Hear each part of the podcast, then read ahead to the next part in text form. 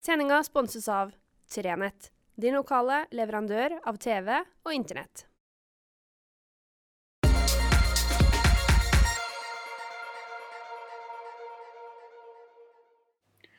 Riktig god fredag. Eh, vindfullt i dag her på Skjervøy i hvert fall. Eh, skal bli bedre og bedre. Jeg snakka med meteorologen i går, og han lova jo at det skulle ta seg opp, at søndagen ikke skulle bli så verst. Inne på Innlandet i Skibotn der skulle det til og med bli over 20 grader. Her ute på kysten må vi nok påregne litt mer trekk, litt vind. Men eh, jeg var ikke her i dag for å snakke om været. Jeg var faktisk her for å snakke om en annen ting som opptar oss, nemlig Posten. For det er jo sånn at det her er for øvrig en av Tove Janssons mest fantastiske historier. 'Hvem kan trøste knøtter?' Den, den må dere få lest. Unnskyld, fullstendig avsporing. Posten legger om sine rutiner, sin postombæring. Fra 7. juli så er det sånn at da bærer de ikke ut post og aviser hver eneste dag. Da skal de gjøre det annenhver dag. Og så skal Posten bære ut ø, den ene uka ø, på ett sett, og den andre uka på et annet sett. Uh, mandag, onsdag, fredag og tirsdag, torsdag. Om en annen. og det gjør jo noe for oss som kommer ut fast tirsdag og fredag. som da er i utgangspunktet de plassene der vi ikke har bud som kjører rundt for oss, type her på Skjervøy og ellers. For her er det ingen forskjell og storslett og en sånn. Men ganske mange plasser i regionen vår så er det postbudene som er våre avisbud. Fantastiske folk som har gjort en utmerket jobb for oss i alle år.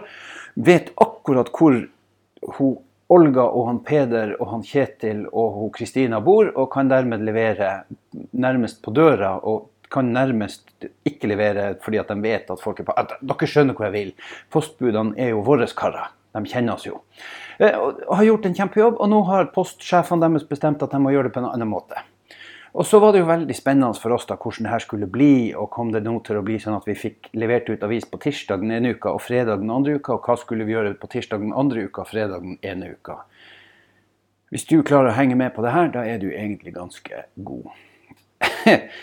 Men i alle fall, vi klagde i media, og staten tok seg ad notam og la ut et anbud for eh, de dagene som det ikke var post, sånn at avisen skulle få komme ut. Og hvem tror dere leverte anbud? Jo, dere vil ikke tro det. Posten. Så det betyr at uh, vi fortsetter som før, stort sett. Jeg har nå brukt omtrent to minutter på det her. Uh, vi, vi fortsetter som før. Eh, posten skal bære ut postaviser eh, for oss de dagene Posten ikke bærer ut aviser for oss. Det er vel summen av hele greia. Men så kan det være at vi får noe trøbbel noen få plasser. For det er sånn at det er noen begrensninger i denne avtalen. Men i utgangspunktet så skal det her gå helt smertefritt. Men hvis det fra 7.7 skulle være sånn at du har plutselig oppdager at avisa ikke kommer en eller annen dag, så må du fortsatt gjøre det sånn som du alltid har gjort, nemlig ringe oss på 777 66 900. Jeg var nødt til å lage litt kele av den der, for den er så søt. Posten skal altså ikke bære ut post, så derfor har Posten søkt om å få bære ut aviser på de dagene de ikke bærer ut post. Eh, mm, mm, det er fint. Vi har humla litt av det her, skal dere tro, i, i ledermøter og styremøter. Vi har det. Vi klarer ikke helt å dy oss. Men man skal jo forsøke å tjene penger der man kan. Og her har Posten klart å tjene penger der man kan. Så det er bra. Det er jo bra for Posten, da. Eh, og ikke minst så syns jeg det er bra for budene. Som nå får beholde jobbene sine og får gjøre det de kan, og det vi er veldig fornøyd med at postbudene har gjort. For eh, la det være helt klinkende klart, vi er meget fornøyd med de budene som fyker rundt for oss, og gjør jobben med å bære ut avis til dere. Og sørge for at dere får avisen sånn som, sånn som dere betaler for.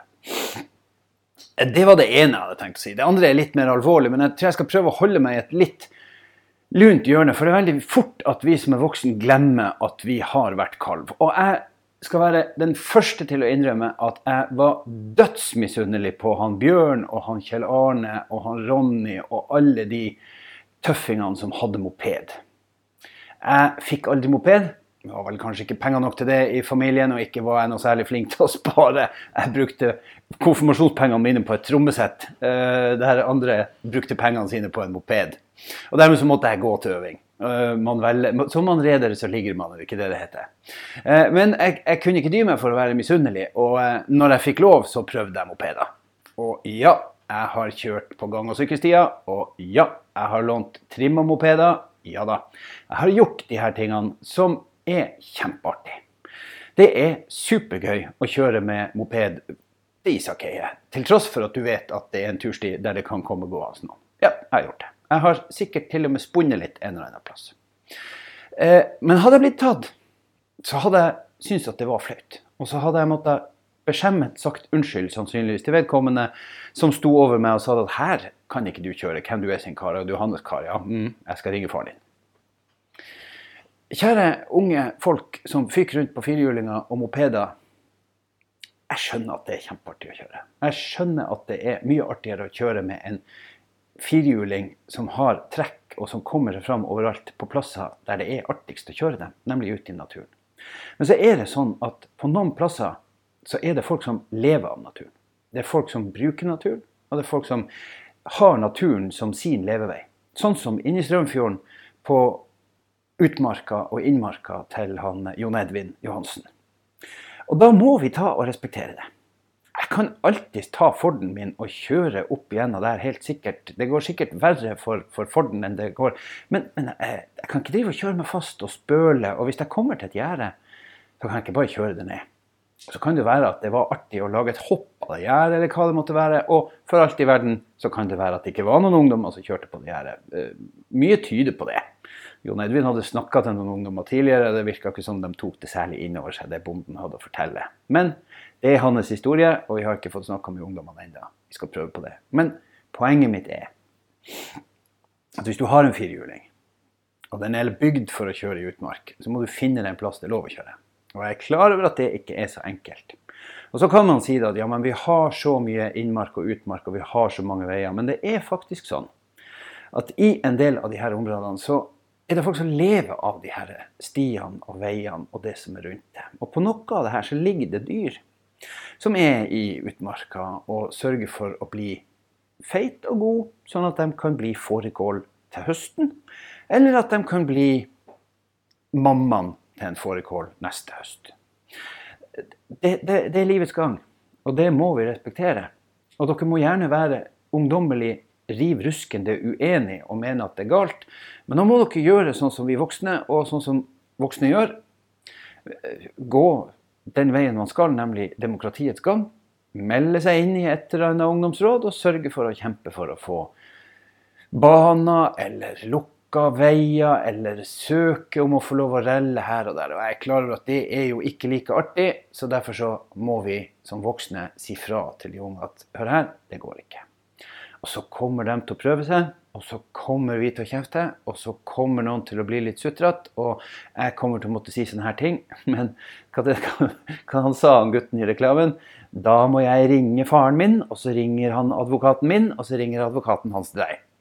Det er litt sånn litt sånn att og fram, og vi ringer og vi klager og vi sutrer. Men jeg tror at vi som foreldre Nå har ikke jeg unger lenger som kjører eh, ATV, Eh, for så vidt ikke hatt heller, men, men eh, har da barn vi som er foreldre og besteforeldre, vi må ta en prat med våre håpefulle og si at hør her. Når du fikk deg ATV, så er det greit at den er laga for å kjøre på i terreng, men det er ikke alle plasser i terrenget du kan kjøre. Og I utgangspunktet så er du nødt til å holde deg på veiene. Og når du kjører på de veiene, så må du faktisk forholde deg til de trafikkreglene som gjelder. Og det er alle trafikkreglene som gjelder. Man kan liksom ikke bare velge ut og si at jeg forholder meg til at uh, også de andre er ikke så nøye. alle er der, og alle er vedtatt. Og vi som, selv vi som er voksne, er jo ikke helt enige med at det skulle ha vært 30 der, eller en fartshump her, eller skilt, eller alle de her tingene, men vi er også nødt til å forholde oss til det. Og når vi blir tatt, så er vi bare nødt til å erkjenne at OK, der gjorde vi en feil. I de tilfellene det er sånn det er. Noen ganger så er det jo også at de som passer på oss, gjør feilvurdering. Men det er en helt annen skål. Til syvende og sist er du så heldig at du kjører rundt på en ATV, eh, hvilket i veldig mange sammenhenger er et gode, en luksusting, da er du nødt til å forholde deg til de reglene som er. Og hvis du ikke gjør det, så må du påregne å få litt kjeft. That's life, tenker jeg. Med disse Paul Jord eh, og et lite glimt i øyet, så ønsker jeg dere alle sammen fortsatt kjempegod helg. Eh, Det går fortsatt an å gå ut. Det går an å ha på seg som, det heter. Det fins jo ikke dårlig vær, bare dårlige klær. Nå begynner det å bli dårlig med dårlige klær òg, sånn at her er egentlig få unnskyldninger igjen. Ja, i det hele tatt. Ut på tur, blid og glad. Og så høres vi igjen så snart som overhodet mulig. Jeg ønsker dere alle sammen riktig, riktig god helg.